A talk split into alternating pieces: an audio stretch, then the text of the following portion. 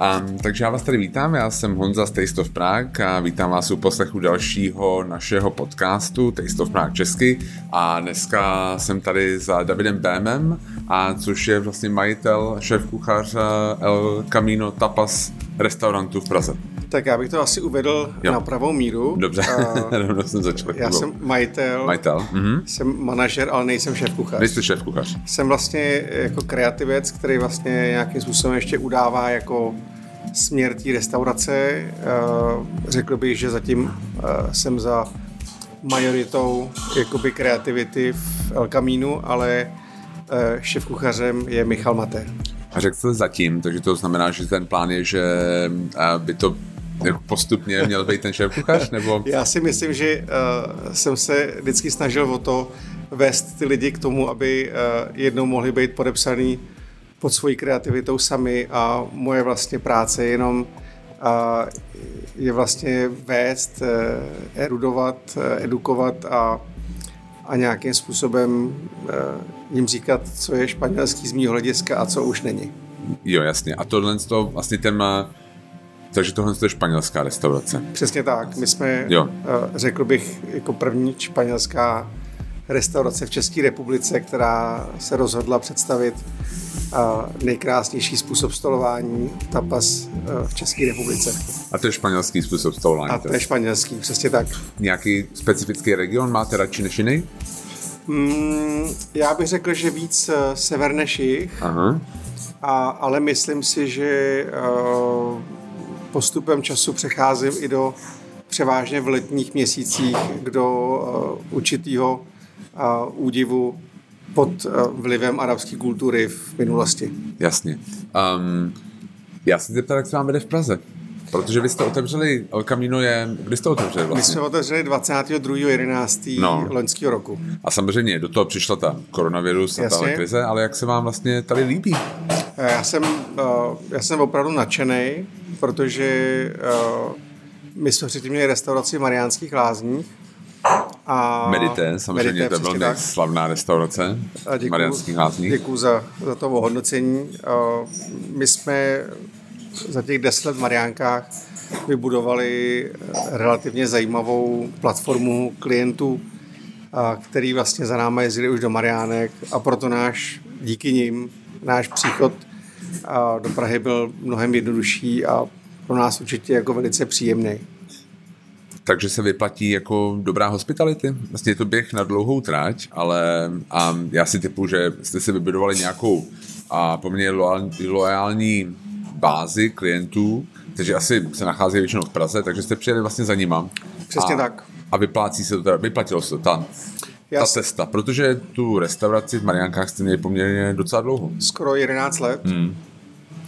A myslím si, že to je uh, z mého hlediska nejvyšší ohodnocení, které můžete docáhnout. Že vlastně uh, hosti uh, vám vlastně dají pocit, že to, co děláte, že toho není málo, Aha. tak prostě je to za dosti učinění, abyste vlastně to mohli dělat dál. Jo. No ale není to příliš jako 11 let vlastně a restaurace v Mariankách, není to jako příliš náročná cesta? Nechtěl byste dělat třeba fast food radši? já bych možná fast food jako zvládnul taky, Aha. ale uh, já, jsem, já jsem jako opravdu zamilovaný do Španělska a je to zajímavý, protože jsem si vždycky říkal, kdy nastane jako ten zlom, že už budu vidět nějakou tu jako svoji vlastní hranici na konci toho, na konci toho tunelu a vlastně se je pořád posouvá někam dál. Jo.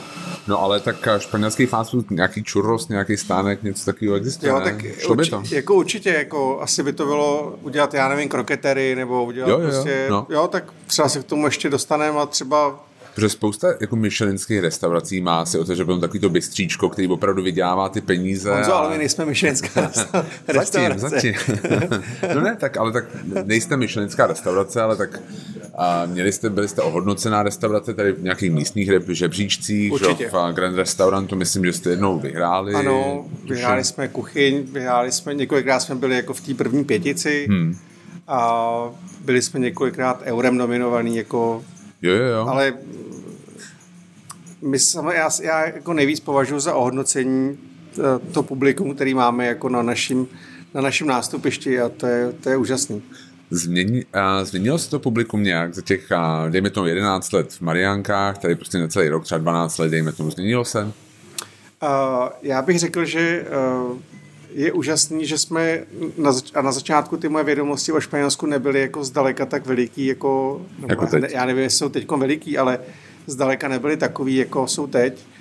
A, a, a je zajímavý, že vlastně lidi, kteří jsme tenkrát zaujmuli, tak vlastně pozorovali ten vývoj těch 12 let a, a myslím si, že to jsou jako pořád stejní lidi, že to jsou jako klienti, kteří prostě mají rádi a, nějakou hlubší podstatu a, a určitý jako představování, i když někdy s chybama, musím přiznat, že jsme taky udělali určitě nějaké chyby, tak uh, si myslím, že to jsou jako lidi, kteří mm, jako chtějí vidět to, kam jdeme a jakým se to ubírá směrem. No a jaký je rozdíl vlastně mezi třeba Mariánkama a Prahou? Já vím, že v Praze nejste dlouho, ale a co vás vlastně vedlo k tomu, že jste se přestěhoval do Prahy? A, a jaký rozdíly pozorujete? Jestli jsou třeba ty lidi jsou jiný, nebo jestli jsou to prostě ty samý lidi, akorát, že nemusí dojíždět? Já si myslím, že to jsou podobní lidi, ať to jsou třeba i noví lidi, tak jo. mám pocit, že to je jako podobný typ lidí. Ten základní rozdíl je v tom, že jsme v Mariánských lázních nedokázali vlastně vybalancovat náklady mezi víkendem a týdnem a mezi létem a zimou. Jo, jo, a proto aby, jsme, hmm. proto, aby jsme vlastně drželi tu kvalitu pořád stejnou, tak, tak nás to vlastně jakoby nákladově nám to nevycházelo. Hmm. No. Hmm. Hmm. No a tady v Praze je to zatím... Zatím jako ten, ten, ten přínos těch hostů je, řekl bych, rovnoměrně rozložený a ta, ta práce je tím pádem mnohem jednodušší. No ale já jsem si včera, jsem se díval, jestli jsou s vámi nějaký rozhovory na internetu, abych se jako jo, si něco připravil. Já jsem našel strašně zajímavý rozhovor z roku 2013 s nějakým americkým novinářem. Je to na jeho stránce. To už ani možná nevím, že já si asi nepři... Jako, jo, jo, jo, jo. Já, já vlastně vůbec, je to poměrně hodně dlouhý rozhovor. A mě to strašně zaujalo. Strašně mě to zaujalo. A bylo vidět vlastně na vás takový odhodlání, takže to je rok 2013. Hmm. Odhodlání jako v těch Mariankách bejt. Okay. Ja. A jo. takový jako, že a vy jste tam říkal něco ve smyslu, že a jeden bratr jako mohl cestovat, no. a druhý se musel vrátit. No. A vlastně, že proč jako bych šel do Prahy, když mám být u těch rodičů a to jsou Mariánky a, a jsem mohl zůstat jako v zahraničí, abych nešel jako, Co se jako změnilo za těch sedm let? No tak uh, uh, to bylo vidět hrozný odhodlání, jakože jako já, já ty Mariánky jako zvednu. No to a... jako bylo. No. To, já, já, jsem jako uh, v roce 2013 byl Medité otevřený čtyři roky. Aha. A dokonce uh, mám takový pocit, že v roce 2013 jsme vyhráli Maurera. Jo, jo, jo. Takže to bylo jako uh, opravdu, ten náboj byl obrovský mm-hmm. a my jsme si původně mysleli, že uh, jakoby nakombinujeme tu místní klientelu s tou uh, turistickou a pak tam ještě jako dosáhneme nějakýho, nějaký spádový oblasti ale já musím s politováním říct, že Karlovarský kraj je jako nejsmutnější region vlastně v Čechách ohledně nějaký progrese. A my jsme, eh, my jsme nedokázali vlastně ty lidi tam jako přitáhnout v takové míře. To byly ty, um, ty pracovní dny v podstatě. Přesně tak. Hmm. A další věc, co byla pro mě jako mnohem ještě těžší věc, tak je, že um, ty mariánské rázně jsou opravdu prázdní z hlediska nějakých lidských zdrojů. A já tu, já tu gastronomii dělám fyzicky denodenně. Já nepatřím mezi jako typy manažerů, kteří by někde seděli. Já buď obsluhu nebo vařím. A když prostě ty lidi nemáte a, a máte to odhodlání, tak je to strašně těžký. No, vy máte bratra, jsme hmm. se o tom zmínili, který je v, v Little Rocku v ano, Arkansas. přesně tak. Pantry, že jo? Přesně tak. Jo, jo, já jsem to našel. A Pantry mu dělá jako, jako středoevropskou kuchyni, že jako comfort foods. Přesně tak. Check, jasně, jo. Um, vy si voláte si, píšete si? My jsme, my jsme si ohromně blízký. Jo. A... On je vám jako podobný. Jako, jo. Je trošku jinak, cesty... jako není, jo. jako, ale jak to tam vidět, no. My jsme ty cesty měli jako, jako podobný, jsme Aha. šli jako na základě uh, jako přání našeho táty, nebo my jsme to přání měli samozřejmě taky, ale on nám vždycky říkal, běžte do světa, prostě je to, je to jako výborná zkušenost. Takže jsme šli, každý šel, jsme šli jiným směrem a, a můj brácha samozřejmě jako mm, přizpůsobil ten koncept té restaurace, ačkoliv si myslím, že to je víc jakoby jižan než středoevropan jako mentalitou, tak uh, víc přizpůsobil uh, jakoby ten koncept těm kuchyním, které jsou, řekl bych, Americe možná jakoby bližší. Jo, jo, já jsem viděl, že tam jsou takový, jako, bych řekl, i takový jako italský doteky, že tam je hodně takový a že to není jako úplně... Já bych spíš řekl, jakoby, uh, že, že je to on... trošku odlehčený. Že to není já jako bych spíš jako řekl, že obsáhl jako Rakouskou Uhersko. Uhersko, přesně tak, jo, jo, to mě přesně takhle přišlo. Jako Jižní Tyrolsko, jo, jo, jo, Rakousko, jo. Bavorsko. Mají tam to špecle, jsou taky rokotové věci, jo, jo, jo, jo, viděl jsem, jo, díval jsem se na meníčko, bylo to moc hezky. Jo. No mě by zajímalo, jestli si třeba jako radíte navzájem, jestli si říkáte, nebo jaký máte pocit, že jaký třeba jako podnikatelský prostředí pro restaurace tady a třeba v Arkansas prostě v Little Rocku. Jestli to je velký rozdíl, jestli tak tam... Já si myslím, že já jsem se opravdu, opravdu do Prahy zamiloval. Jako Aha. Mě, a, a teď nechci, aby to znělo jako nějak jako, jako přihlouple, ale mě mnohem víc jako zajímá jako zájem těch lidí o ten koncept, než ty peníze samotný. Jo. jo. Já si jako myslím, že jako gastro je dobrý dělat jako, jako pro peníze, že není dobrý dělat pro peníze, ale za peníze. A, což samozřejmě vysvětluje, že to neděláme zadarmo, ale a, myslím si, že ten zájem o to, co děláme, je pro mě naprosto primární. Pokud hmm. bych dělal turistickou restauraci, kde bych měl denně narváno a, a byli by tam lidi, kteří se nikdy nevrátili, nebo jednou za nějakou velice dlouhou dobu, tak by mě to asi nebavilo. A... No ale nevedl jste podobnou restauraci v Anglii? No, eh, tam jsem pracoval v, v restauraci od firmy Mitchell Butlers, Aha. což byla restaurace sice jakoby v, jako v Brightonu na, hmm. jako na vlastně v takové jako přístavní části, a, ale řekl bych, že to bylo uh, z nějakých 70% postavený jako na, na regulars. Regulars. Hmm. No ale teda, abychom se vrátili k tomu bráchovi, hmm. jako ne, ne, nadává na něco v Americe, nebo je tam spokojený. Mě by to tak krátce zajímalo třeba, jako jestli když máte srovnání třeba ta Praha a ten Little Rock, jestli to je podobný, jestli to je jiný. Tak, tak je to podobný v tom, že lidi jako chodí jíst, mm-hmm. že jako žijou tu scénu, což je bezvadný.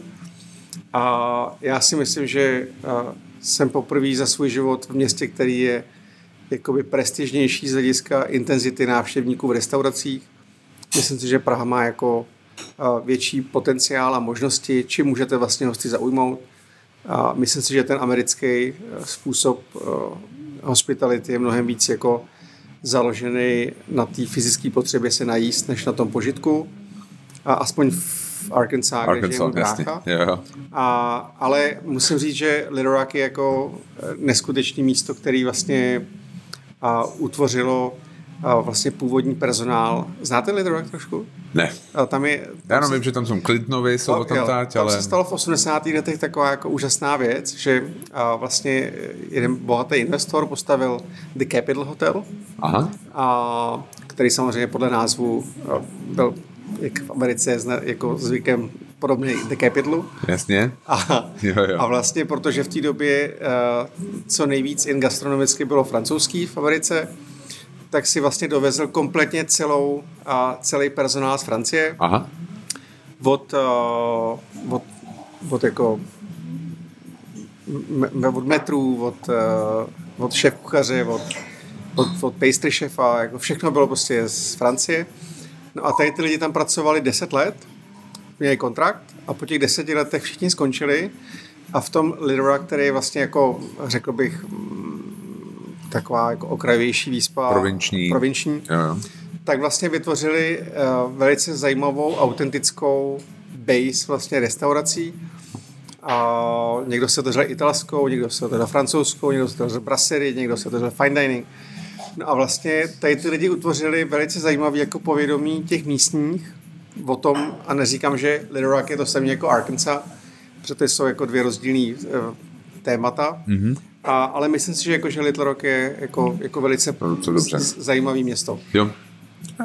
No, váš brácha je v gastrobiznesu, vy jste v gastrobiznesu a vlastně z toho um, rozhovoru, který jsem včera čet, tam vyplynulo, že vlastně celá vaše linie, že tam máte trošku jako v genech, asi nějaká čtvrtá generace tam bylo zmíněno. tak. No, to, to mě jako hodně zaujalo, protože jedna jako z věcí, my děláme ty gastronomické prohlídky pro a, návštěvníky z ciziny a jednu z věcí, kterou jim jako říkáme, je, že u nás tohle vlastně moc neexistuje. To předávání z generace na generaci, protože tam nebyla kontinuita vlastně nějakého vlastnictví, dejme tomu. Mě prostě zajímalo, jak u vás v rodině jako tohle to předávání, protože jste tam zmínili, že jste šli jako na hotelovku, protože překládám to z angličtiny a že vlastně vás tam neměli úplně moc co naučit, že už jste jako všechno v podstatě viděl z domova, nebo jako ne, přeháním, jo, a prostě něco takového zjednodušeně. Mě by zajímalo, jak takováhle vědomost se vlastně jako v té rodině předává. Protože no. já vím, že já jsem dělal tlumočení, eh, překladatelství a tam byla velká vlastně debata o tom, jestli se tlumočníkem jako rodíte, že na to prostě máte geny, nebo jestli vás to jako musí někdo naučit. Jestli to... No, já jsem, uh, já bych tady v tom jako možná malinko se vrátil těm Mariánkám, Aha. který uh, uh, napříč celou republikou bylo jednou z měst, kde ten turismus fungoval už za minulého režimu. Mm-hmm. A uh, bylo to město, kde prostě pracovalo třeba ještě v době, kdy já jsem tam studoval, jako několik lidí z první republiky, kteří samozřejmě byli na stážích ve Švýcarsku, v, v Itálii, ve Francii. A ta hotelová škola, kterou já jsem teda jako nestudoval, jsem studoval mé kuchař číšník. A? A, a pak jsem se dodělal v Anglii jako nástavbu, jako zbytek vzdělání. A tak a, tam tady ty lidi vyučovali a ty lidi samozřejmě měli nějaké zkušenosti ze zahraničí No a proto ty Mariánky odborně vypadaly jako relativně dlouhou dobu, řekl bych od těch 70. do 90. let, vypadaly naprosto jako, jako exoticky z hlediska nějaký uh, jakoby pracovní dovednosti a tomu mohla zbytek republiky mimo Prahy jenom tiše závidět, protože prostě ty Mariánky díky své geografické poloze měly tu klientelu a, a a ty lázně díky rekreacím opravdu fungovaly. To, jak to bylo financované, je samozřejmě druhá otázka, jako je to takový, řekl bych, Disneyland, jako z hlediska dnešního vnímání, jak to může fungovat. Ale uh, prostě tam byli lidi, kteří ten obor opravdu uměli. Protože to, co děláme, je obor, je to řemeslo a, a na to, abyste mohl jako ho dělat dobře, tak potřebujete, aby vám to někdo předal. A já samozřejmě, eh, abych ještě dokončil tu otázku z té rodiny, můj děda byl špičkový barman a čišník. Můj táta byl vynikající hotelier, který nás spoustu věcí naučil a, a ačkoliv to dělal v nějaké době, tak jsem si, že to dělal na tu dobu jako extrémně dobře a pracoval v 80. letech tři roky v Jugoslávii na Černý hoře a, a byla to vlastně jako jeho první zahraniční zkušenost a proto vlastně už v té době věděl, že nás chce vlastně jako vést k tomu, aby jsme jednou do zahraničí odešli na tu zkušenou a, a, a prostě pak je to klasický denodenní příběh, no tak potkáváte lidi a, a buď vám někdo něco chce předat, tak vám to předá, je to samozřejmě založené na nějaký vaší žádosti a, a nějakým postoji tvrdě pracovat a jít někam dojít. Jasně. Já, mě spíš jako zajímá třeba um, vlastně jakoby on byl hotelier za komunismu. Hmm. Co to znamená? On jako byl manažer hotelu On byl manažer hotelu Bohemie v Mariánských lázních. A jak to vlastně funguje vlastně třeba uh, předpokládá se u vás v rodině, že vy s bratrem budete jednou ve stejném biznisu, nebo... Já jsem si, že vůbec. Já jsem si, že to nemá jako takový ten jako bunc, že táta byl a my musíme být taky. Hmm. No ale my, nakonec jste my jsme nakonec jsme tam oba dva skončili. To jablko se daleko neodkutálelo jako to stromu. My jsme vždycky měli rád, já jsem vždycky měl rád lidi. To bylo jako, a to si myslím, že je jako, jako primární předpoklad pro to být dobrý v gastronomii. Protože to, jestli umíte, uh, jestli znáte znalost nějakého vína, nebo umíte vykostit rybu, nebo umíte umíchat koktejl, jsou všechno jako fajn věci, ale pokud to nebude zatím, to, že to děláte s láskou pro někoho, tak je to všechno k ničemu. A myslím si, že uh, a snažím se to denně jako v sobě, tady ten postoj jako, jako snažím se ho osprchovat a aby byl pořád prostě fresh. A... Jak se tohle dělá, jak se to sprchuje? No, uh, musíte si prostě, uh, taky dobrý být třeba jako součástí té kreativní části té restaurace, že vlastně jste u toho vývoje a studujete to dál, jste vlastně pořád jako v dění. Já dneska už zdaleka nejsem koordinačně tak schopný v kuchyni, jako jsem bývával, ale samozřejmě jsem schopný to, to všechno uvařit a, a domyslet si to a dostudovat to a vymyslet to.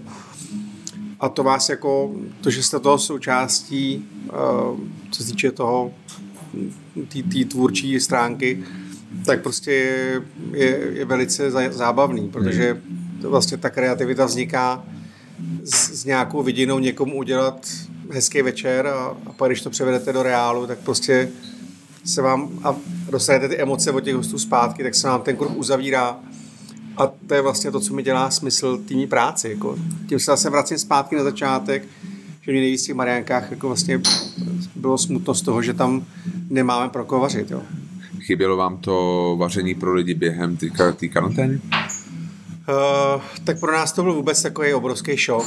Já bych řekl, že uh, skoordinovat se v tom ohledu, že jsme otevřeli a ještě spoustu dobíhajících pladeb za realizaci té restaurace a, a teď lidi ve zkušebních dobách a, a jako spoustu vlastně věcí, které nás, jako řekl bych, primárně odváděli od toho, že jsme jako chtěli vařit pro lidi.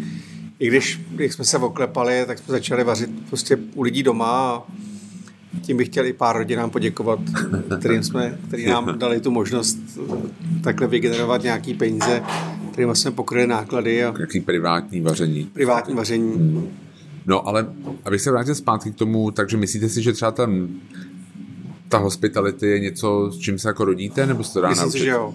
Jo, takže to, že vy jste z takovéhle rodiny, kde to vlastně jako nějakou způsob jako, jako fungovalo po generace v úvozovkách, že vám to pomohlo v tom? Já si myslím, že to není o té rodině. Já si myslím, že to je o tom, uh, jakoby s čím se narodíte. Hmm. Mám třeba kamaráda, který jsem Štěpán Marhol, řekl bych, české nejlepší gastronom, co znám.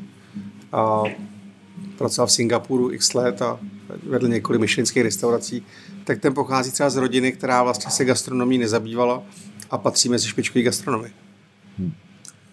Um, změnila se vlastně teďka ta, protože já jsem četl v tom článku, že byste chtěli jako navázat, jste říkal tenkrát na to před jako prvorepublikovou hmm. tradici. Um, myslíte si, že za těch sedm let jsme se tam posunuli? Myslíte tady nebo v Mariánských lázních? Obojí, tady v Mariánských lázních. Tak já si myslím, že bohužel v Mariánských lázních se neposunuli, neposunuli nikam. Hmm. A uh, myslím si, že tady v Praze to udělalo tak obrovský skok, že ta diverzita mezi Prahou a zbytkem republiky je uh, tak obrovská a někdy tak smutná, že vlastně všechny lidi, co se snaží dělat to, co jsem dělal já někde mimo Prahu, tak mám pro ně jako obrovský obdiv. Hmm. No a co to pro vás znamená? Jako, co, co si pod tím představujete, pod tím prvorepublikým servisem, tím hospitality? No, já si myslím, že uh, na to musí být vždycky jako dvě strany. Musí být na to vlastně to, ta vyzrálost toho publika s nějakým tím finančním um, kapitálem, který chtějí za, tu, za ten typ kultury utratit. No a pak musí na té druhé straně být ta kvalita, která má co nabídnout. A já si myslím, že uh, uh, tý, za té první republiky vůbec společenský život díky ekonomické situaci byl na vysoké úrovni, což je podobný model, který jsme zažívali vlastně v Praze za posledních 4 až 5 let. Mm-hmm. A samozřejmě proto ten progres té gastronomie byl tak markantní, protože samozřejmě a my to nedokážeme dělat bez těch lidí. A a, takže myslím si, že jako prvotní ukazatel toho progresu je ekonomický vývoj země. No a pokud samozřejmě lidé zbývá a víc v kapse na to, aby si mohli zajít na něco zajímavého. A to vždycky nemusí být, a já vždycky tady to hrozně přirovnávám k takový uh, italský scenéry, kdy prostě vidíte v těch půl pátý, jak ty lidi jdou z těch ofisů a jdou na to aperitivo, nebo v tom Španělsku jdou na ten vermut, že jo, a si ten ten, tu skleničku vermutu nebo, nebo skleničku kavy a dají si vlastně něco malého k tomu a už to je pro mě kultura a už to je pro mě něco, co se jakoby komunikuje s tím, co bylo v té první republiky, že vlastně lidi chodili na kulturu kávy, na kulturu čaje, na kulturu vermutu, na, na vysokou vídeňskou cukrářskou um, klasiku. A to si myslím, že to je to, co já považuji za, za srovnávání s první republikou, že No a ne, nesrovnáváme se jenom s tím nejlepším z první republiky. Neříkejte mi, že už jako celá populace chodila prostě na vysokou rakouskou cukrařinu a na vermuty a na... No, neba, jako to... nebře, vždycky prostě, když se dívám třeba na ty a, filmy pro pamětníky, jak tam prostě v tančí Oldřich Nový a tohle, to, já si jako říkám, to přece nebyla jako celá populace. Když se podíváte na Slovensko, tak si umím představit, že tam byla obří jako chudoba. Dejme tomu, že, to že asi... ta, ta, ta, ta, jo, že třeba ta diverzita těch příjmů musela být jako hrozně vysoká. Že ten, to uh... asi máte pravdu, ale myslím si, že v té době lidi jako dokázali rozumět uh, jakoby kvalitě produktu. Jo? A to je to, o čem se jako já bavím. Jo. Jo? Že jdete do uh, řeznictví typu naše maso a, a dáte si tam jakoby skvělého taliána, nebo jdete do, do řeznictví, kde prostě vám prodávali skvělý, skvělý Godhaj, nebo jo, jo. že prostě to, že to, bralo, že to bylo brané všechno jako vážně. Že salám nebyl prostě něco, co je vlastně skoro nepoživatelný, ale že i to, i to dokázala být jakoby naprostá delikatesa a to je to, v čem vlastně já vidím jako princip gastronomie. Jasně. Já si myslím, že co jako tady hrozně chybí, ten můj názor je, že člověk by to měl dělat tak, aby na to mohl být prostě hrdý. Hmm. Prostě spousta mám pocit, že spousta lidí v gastru, a jako ne, nemluvím tak o tom dobrým gastru, kde se pohybujeme třeba já a vy, ale spousta lidí v gastru prostě na to hledání vůbec není, že tak tam prostě pracují. Že je to vlastně jako jedno. Tak ono je to trošku daný jako uh, tou, tím vychýlením toho kivadla, protože před revolucí, že jo, to byla taková branže jako podvodníků a zlodějů a, Prchní, prchní. šedířů hmm. a, a na který byl ještě celý národ naštvaný, že vlastně mají hodně peněz No a samozřejmě po té revoluci se to šedířství malinko ještě protáhlo.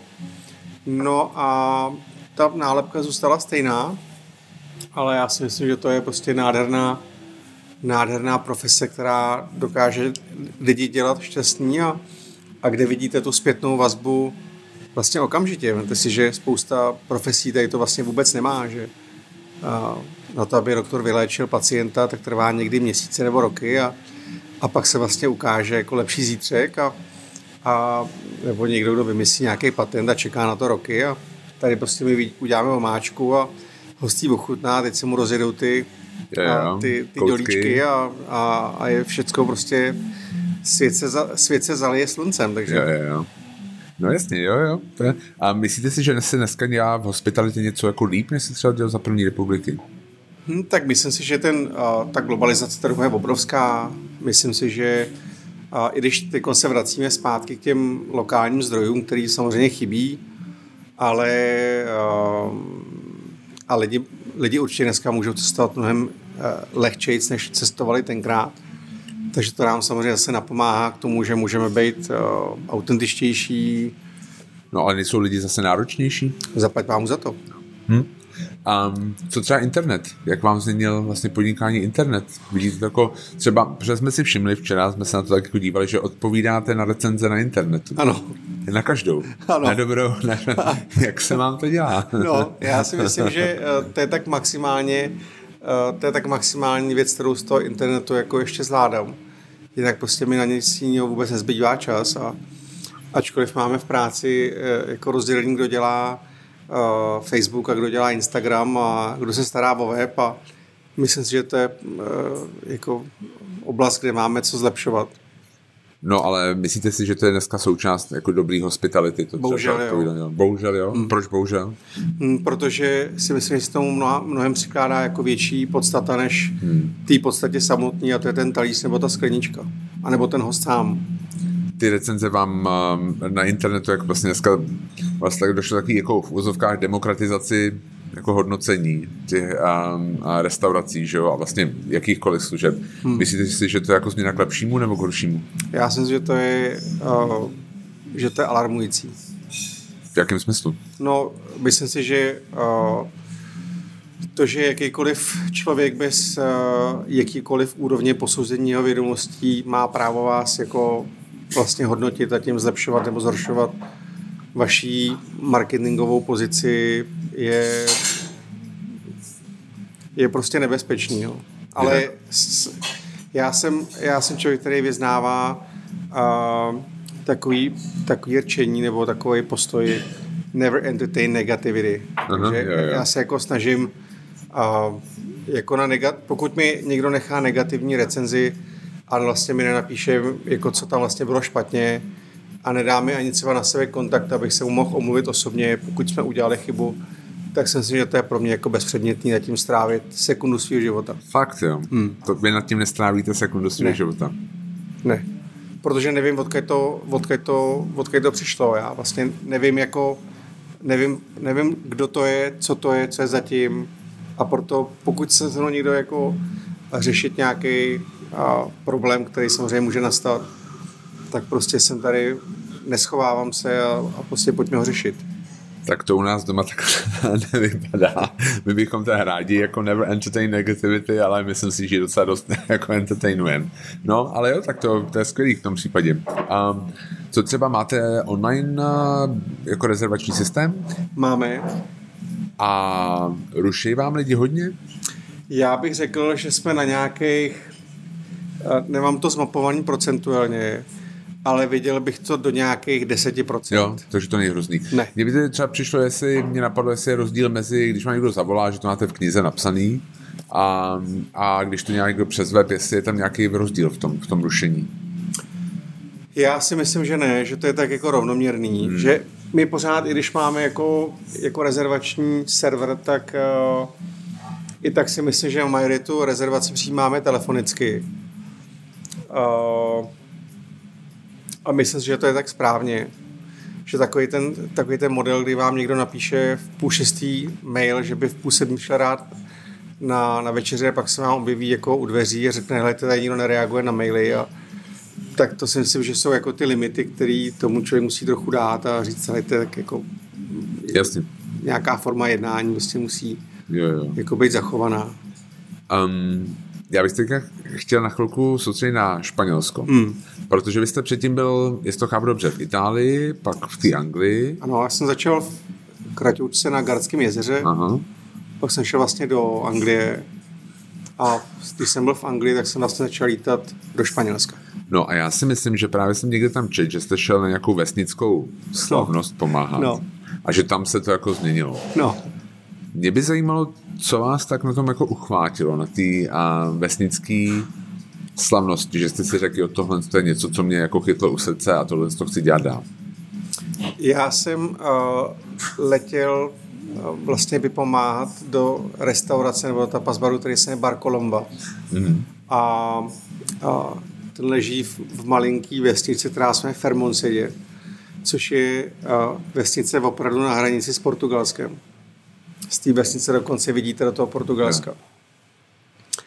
A myslím si, že uh, uh, Španělsko, jak se ubíralo politickým vývojem, tak uh, určitý okrajový části Španělska, nebo, nebo ne centrální části Španělska, uh, tak trochu jakoby zarůstaly uh, s, jakoby svou dobou. Jo? Jako Španělsko v těch částech, které nejsou stejně jako v jakýkoliv jiný zemi, prostě blízko metropolím, tak uh, si žije tak trochu svým životem. Jasně.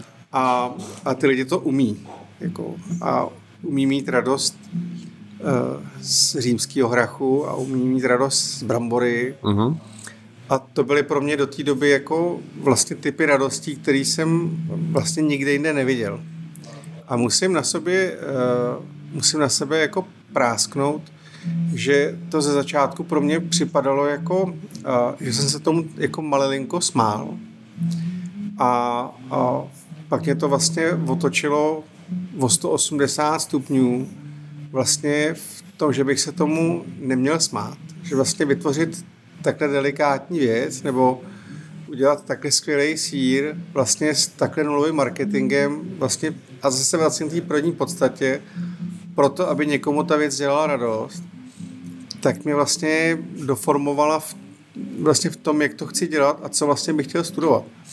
A to Španělsko pro mě byla země, která díky své uh, historické barevnosti mě vlastně um, úplně udivila, vlastně uchvátila, protože ta kultura je obrovská. Že? A další věc je, což jsem samozřejmě taky trochu chtěl, v Čechách ji nikdo nedělal. A pro mě to trochu bylo jako pole neoraný. A mě fascinovala ta, ta forma toho stolování, k čemu se říká tapas.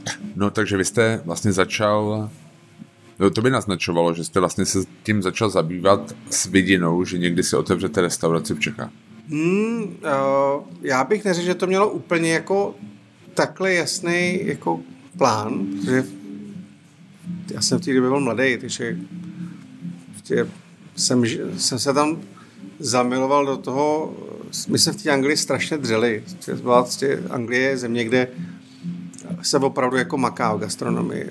Dělá se 6-1, máte jeden den na nějaký oklepání a, a jdete zpátky. Jako, znova. Znova. Prostě. Řekl bych, že to je velice podobné jako v Americe. Ta gastronomie tam prostě jede v naprosto nelidských podmínkách. Já jsem přijel do toho Španělska, který bylo, řekl bych, daleko od civilizace. A ačkoliv jsme tam víkendově taky pracovali, a nebo když, byli, když byl sběr hroznů, nebo uh, jako byly tam taky výs, výseče roční, které byly jako náročnější, ale samozřejmě oni si to jako umí udělat, takže oni si na sebe vždycky najdou čas. Jo, jo. No, já se chtěl zeptat, jestli to, co vlastně jste prvotně zažil uh, v tom španělském venkově, mm. myslíte si, že by mohl tohle cizinec zažít u nás na českém venkově, moravském venkově? Já si myslím, že jo. Já si myslím, že kdyby uh, kdyby jel třeba na do nějakou vesnici, já nevím, na Jižní Moravě třeba. Než, tak by to šlo, hmm. určitě. Jo. Jo. Hmm. No, mě by to zajímalo, že jste říkal vlastně, že máte španělskou restauraci, hmm. snažíte se navázat nějakou českou tradici té hospitality, tý, hmm. jo? Je to, co tady děláte, je to česká hospitality nebo je to španělská hospitality? Je to nějaká ovlivnění tím, co jste se naučil v restauracích ve Španělsku, nebo je to něco, co vy si myslíte navazuje na tu tradici místní? Já si myslím, že uh, na tu místní tradici, co se týče hospitality, já vlastně nemám jako nástroj, který bych jako uchopil, protože já jsem proti republiku nezažil a dalo by se říct, že a ta houba, která se vlastně nacucala před těma a 17 lety, tak no, 2000, no, před, skoro před, no já jsem šel do Španělska jo. v roce 2003, 2002, takže um, ta trvá do dneška. Takže spíš bych asi řekl, že země jako pořád ještě srší jako ta španělská. Hospitality. Ale Máte já bych ještě do toho no. skočil, já si nemyslím, že úplně je rozdíl mezi jako tím principem hospitality ovlivněný jako různýma kulturama. Myslíte si, že ne, že to není kulturně vázaný, protože třeba japonská hospitality je hodně třeba jiná, dejme tomu. Myslím si, že se liší formou, ale, ale podstata je stejná. To, podstata je stejná, jenom jak to, ta delivery je mm, prostě jako mm, jiná. Mm. Jo. Mm. Um, mně přijde vlastně, když jsme tady, um, když jsme tady párkrát jedli samozřejmě, jako když se na vás podívám a prostě jak já třeba vnímám španělskou a gastronomii, tak mně přijde hodně taková jako konzervativní, hodně tradiční. Um, vy a zároveň jste tam v tom článku, který jsem četl, v tom rozhovoru, jste říkal vlastně, že každý dva měsíce, jako vlastně, že když dáváte nový menu, takže to trvá dva měsíce, se snažíte, a vy, že i tady jste měla tu krema katalána, která vlastně jako milfoy. A jak vy dokážete jako spojit tu tradici s něčím jako novým? No, já si myslím, že uh, uh, jako evoluce tradice může být podmíněná uh, hlubokou vědomostí a spojená eh, s pokorou se vlastně ptát těch našinců, jestli to tak může být. Jestli mi rozumíte. Jo, já myslím, že jo, že vlastně jakoby, koho se ptáte, jestli tak může Já být. se ptám jako svých kolegů hmm. a uh, i si dneska možná i troufnu jakoby na některou um, jakoby transformaci nějakého receptu sám, a, a že jsem třeba schopný si z hlediska nějaký regionální znalosti i jako obhájit. Jo. I jim třeba představit. a zaplať pámu se jako poslední roky shledávám jenom jako s pochopením. A... Vyžaduje to teda třeba v případě Španělska nějakou historickou znalost, nevím tomu s tím, jako si konkista, rekonkista, ty věci. Myslím no. si, že to je jako naprosto zásadní. Pokud chcete jako být, myslím si, že to je vlastně naprosto zásadní. A pokud chcete být kreativní a chcete vlastně, aby ta kreace měla nějaký eh, smysl i do budoucna, nebo abyste se za ní mohl postavit, tak si myslím, že musí mít jako primárně a vlastně historickou znalost. Myslíte si, že se to, ten, ten stejný přístup dá uplatnit i u českých kuchyní? Hmm, určitě. Myslíte, že to někdo uplatňuje? No, myslím si, že jich je pár. Hmm. A je, to, škoda, hrozná. Jo, já si už myslím, že co mě se jako tady hodně líbí, samozřejmě to jídlo je skvělé, nám tady moc chutná, ale vlastně vždycky, když jste tady vy, já jsem vlastně, jste nás vždycky obsluhoval, nevím, to tím, že jako jsme se známe, nevím, ale vždycky vlastně to jídlo je s výkladem. Hmm. Jo, že vlastně jako vysvětlujete, co to jíme a proč to jíme. Což je vlastně hrozně podobný, když my děláme prohlídky a jako ty gastronomický, tak tak vždycky říkám, vždycky, vždycky říkám našim jako kolegům, musí se vždycky říct dvě věci. Co jíme a proč to jíme. A právě to proč mě přijde prostě někdy jako zajímavější skoro než to co. Jo. A přijde mi, že vlastně nikdo jiný to moc jako nedělá, že tohle, tomhle tom jste v Praze docela výjimečný. No tak ten koncept, na to, abyste tady to mohl dělat, vlastně potřebujete z mého hlediska jakoby koncept, který můžete ukotvit k nějakému geografickému místu. Protože a, kort v Evropě, kde prostě ta diverzita v kulturách je obrovská. Řekl bych možná, že to je víc regionální než zemský. Hmm. Vlastně, že vlastně celá Evropa vlastně vznikala na, na základě nějakých regionálních vývojů. A, a já si myslím, že proto, aby lidi chápali vaše jídlo, tak potřebují mít vedení. Potřebují, my taky přece, a když budete sedět u stolu s, s návštěvníkem z Ulambátaru a on se bude chtít, a on se vrhne na houskový knedlík rukou a vlastně do toho bude chtít kousnout jako do plátku nějakého místního bílého chleba, tak mu taky řeknete, hele, my to vlastně jíme tak, že ten knedlík použijeme jako nějakou podestavbu, na kterou nahrneme trochu té vomáčky a dáme si tomu třeba kousek toho to nosič, jasný, Přesně tak. Vlastně nositel. A to si myslím, že pokud hmm. nevysvětlíme, tak uh, to může dopadnout tak, že vlastně někdo z těch Čech odjede a řekne, hele, to je taková zvláštní země, tam používají plátky teplého chleba, vlastně na kterou, který je úplně položený v nějaký vomáčce. A vlastně vůbec mu to nedojde. A já si myslím, že to byl můj obrovský benefit, který já jsem vlastně získal na tom počátku týmí španělské cesty, že jsem vlastně začínal na venkově a že ty lidi, a samozřejmě venkov ve Španělsku je opravdu ale široký pojem. No to je jako, to se bavíme o stovkách receptů. Jo, jo. A, a já samozřejmě studuju region po regionu. A, a myslím si, že to byla pro mě jako obrovská výhoda, že jsem měl možnost pracovat s lidmi, kteří mi byli schopni říct, hele, tady to vznikalo takhle a takhle, protože jsme neměli tohle a tohle, tak jsme použili tohle a tohle a vlastně výsledek je tohle. A, a to si myslím, že je ohromně důležitý těm lidem jako říct, protože jim to v ten moment a vlastně prostě uzavře, uzavře prostě- nějaký smysl a od toho se odrazíme dál. Já to vždycky se snažím jako vymyslet, co by jako mohl být přínos toho z téhle znalosti jako pro tu českou, pro tu místní kuchyni, protože mým jako primárním účelem je prostě, aby jako je skvělý, že máme výbornou španělskou restauraci tady, ale abych chtěl mít výborný český restauraci Jasně. tady. No.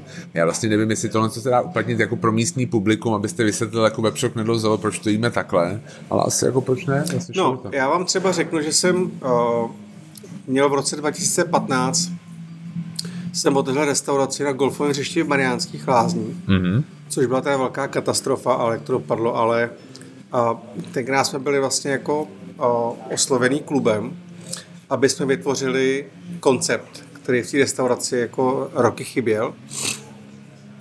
A my jsme se tenkrát ptali, jako, jaký to má mít mantinely, ta, ta kreace, a oni řekli, že to prostě koresponduje s tím klubem.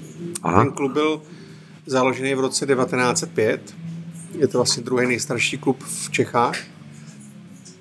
A zakládal ho Edward VII, tehdejší král Anglie. A, a já jsem vlastně to uchopil, takže jsme tu restauraci nazvali jako Royal Spoon a, a udělali jsme koncept, který a, opravdu velice detailně, pracoval jsem na tom čtyři měsíce, vysvětloval jakoukoliv cestu surovin Egerlandskem, což bylo vlastně a, jižní část Sudet.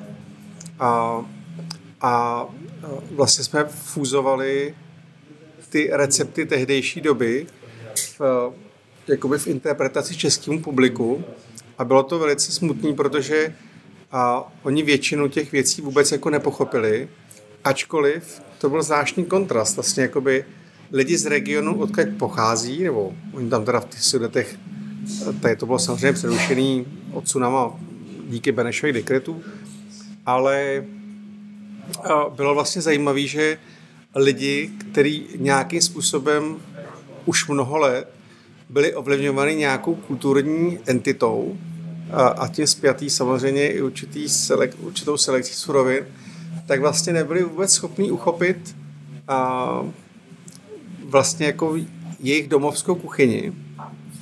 A myslím si, že to je jako obrovský pole působnosti pro český kuchaře, který se chtějí věnovat jako české kuchyni, protože česká kuchyně na to, jak je ta země malinká, tak je obrovská.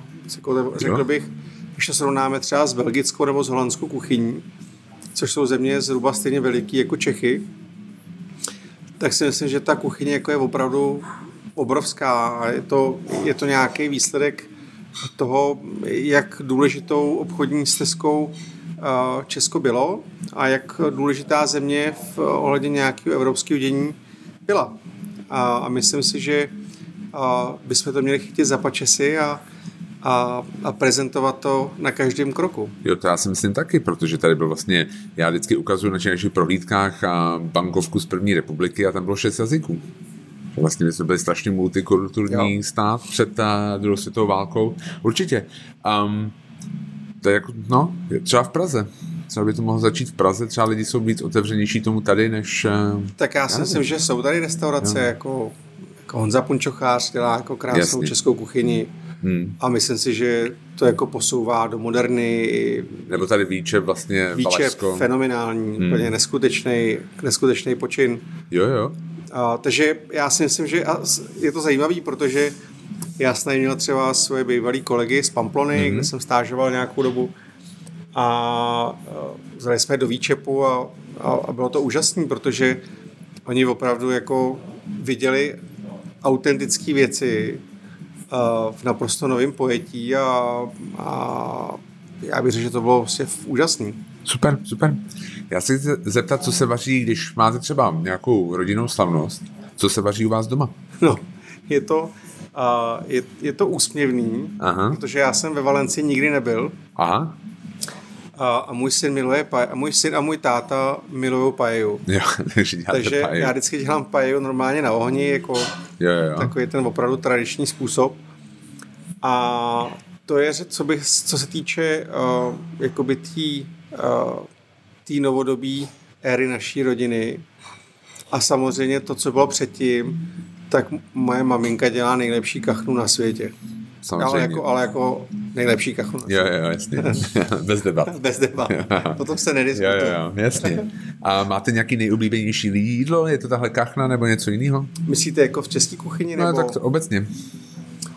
Uh, tak já jsem si vůbec jako koncept pečeného masa, jo. třeba z kostí je jako krásná věc, ale já jsem jako milovník všech, všech možných věcí, takže já mám rád úplně všechno. Od blacha po bacha.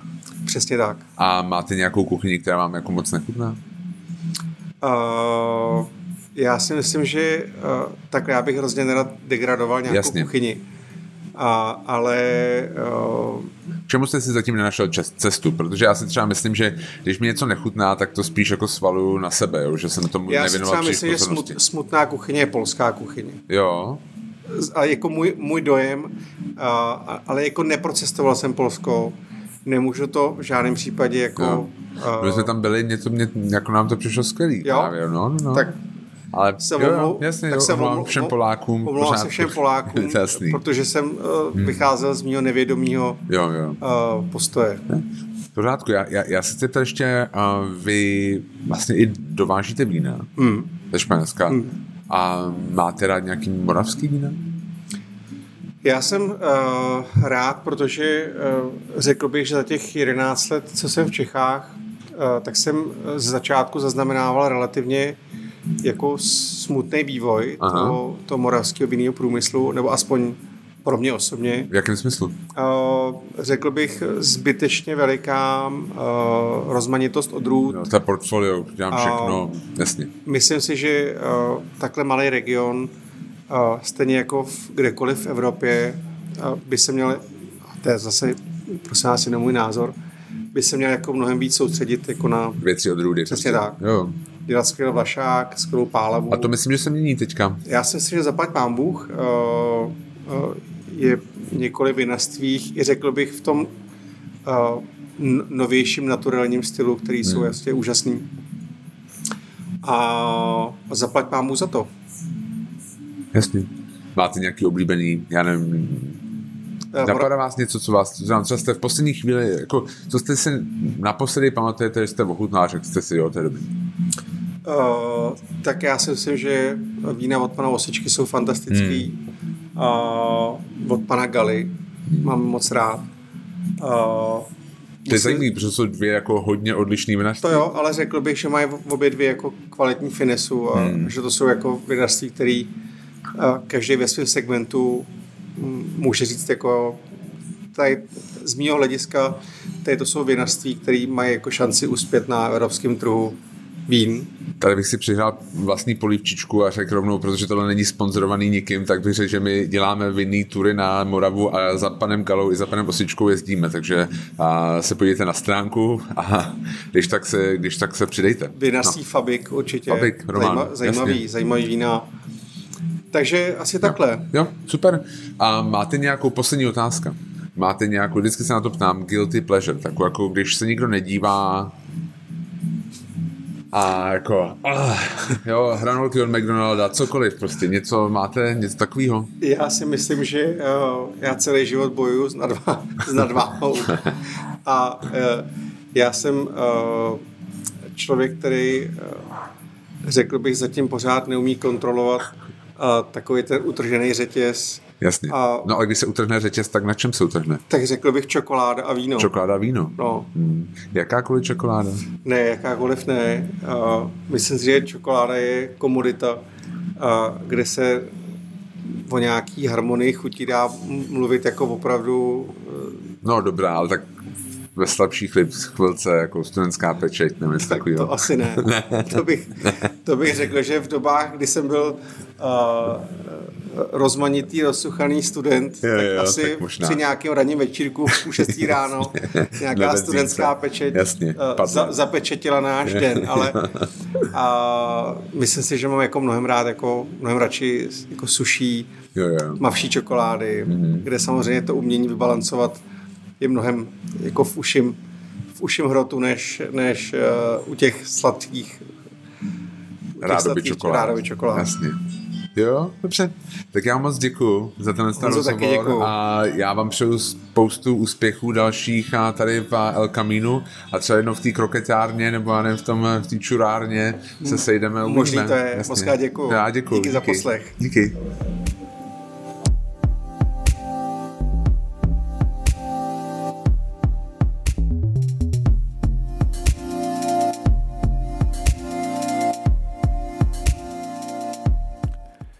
Tady ještě jednou Honza z Taste of Prague. Moc děkuji, že jste si dnešní díl celý doposlechli. Pokud se vám líbil, určitě nám prosím dejte pět hvězdiček na Apple Podcasts a na Spotify. Pokud se vám nelíbil nebo máte nějaké připomínky, dejte mi prosím vědět přes mail nebo sociální média. Určitě se snažím tyto podcasty zlepšovat a budu rád, když mi v tom pomůžete. Takže ještě jednou děkuji a mějte se hezky.